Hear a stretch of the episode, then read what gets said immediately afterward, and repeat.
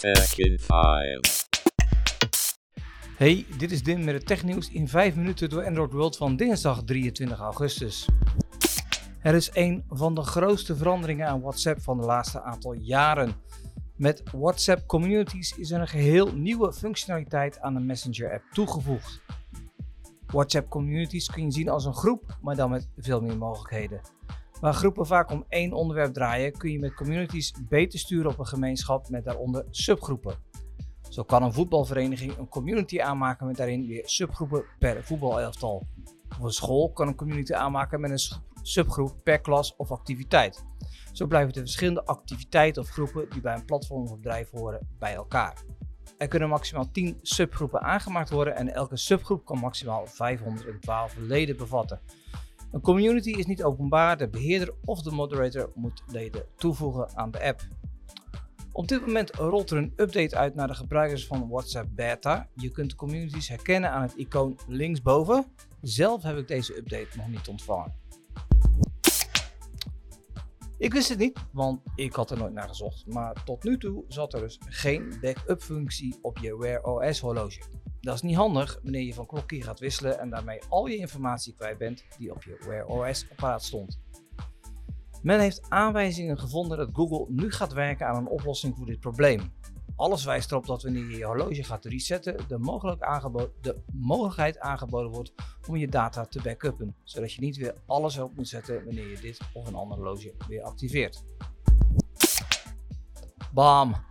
Een gevoelige klap voor Twitter en een juichmomentje voor Elon Musk. De voormalige security chief van Twitter zegt dat het platform heeft gelogen tegen Musk over het aantal bots en andere zaken op het Twitter-platform. Dat is nou precies de reden waarom Elon Musk de grote deal met Twitter on hold heeft gezet en waarom beide partijen elkaar gaan tegenkomen in de rechtbank. Het begon zo goed met Elon Musk die Twitter wilde kopen voor 44 miljard, maar al snel kwam er gedonder.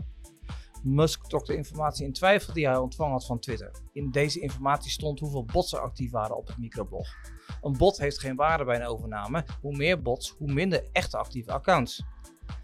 Elon Musk wilde zich terug, terugtrekken uit de deal waarop Twitter hem voor de rechter daagde. Musk daagde op zijn beurt Twitter weer voor de rechter, waarmee hij weer van alle kanten met geld gesmeten wordt en niemand nog weet waar het echt om gaat.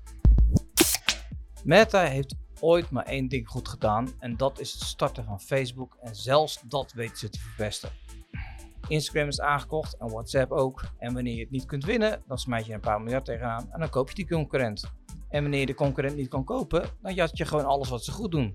Zo kwamen de stories rechtstreeks vanuit het succes van Snapchat en de reels zijn een rechtstreeks imitatie van de video's op TikTok. Nu is er weer een leuke app die naam maakt en waar mensen heel veel plezier aan beleven en dat is BeReal.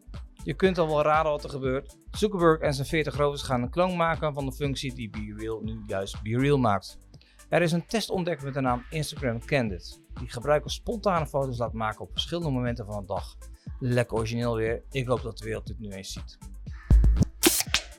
Frankrijk wil van de vervuilende auto's af en meer gaan lijken op landen zoals Nederland, waar fietsen heel erg normaal is.